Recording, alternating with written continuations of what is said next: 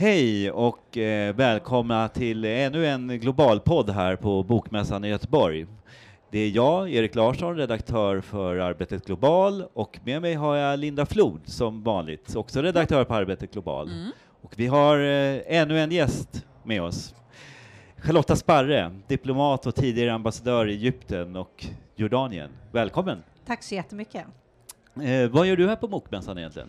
Ja, jag har deltagit i ett par olika samtal. Ett samtal om led kvinnligt ledarskap i eh, internationella miljöer. Jag har intervjuat den libanesiska författaren Jomana Haddad och idag haft ett längre samtal om kvinnor som förändringsagenter i Mellanöstern och Nordafrika. Ja, för du, har, du är väldigt intresserad av kvinnors situation i eh, vardagslivet, eller arbetslivet kan man säga. Ja, det är, dels är kvinnors situation någonting som intresserar mig oerhört mycket personligen och dels är det ju en fråga som Sverige har ägnat väldigt mycket tid och kraft åt, så även i min yrkesroll så är det någonting som jag har jobbat väldigt mycket med under de senaste 20 åren. Ja, och framförallt i Mellanöstern måste vi säga, lägga till, Precis. och Nordafrika.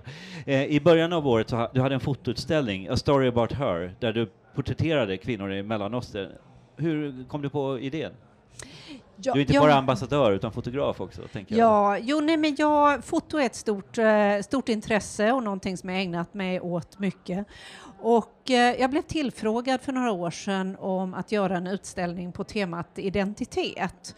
Och eh, då hade jag funderat väldigt mycket på min egen identitet och hur, hur vi påverkas alla av eh, den omgivning som vi har och jag har då ägnat väldigt stor del av mitt vuxna liv i, i Mellanöstern och Nordafrika.